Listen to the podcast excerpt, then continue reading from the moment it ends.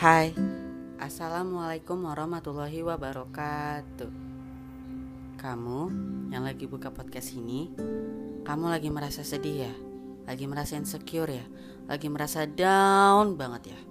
Hey, kamu boleh kok insecure sesekali Tapi jangan sampai berkali-kali Dan kamu jangan memikirkan kekuranganmu Karena kamu itu lucu, kamu itu unik, kamu itu ganteng, kamu itu cantik. Kata siapa kamu jelek?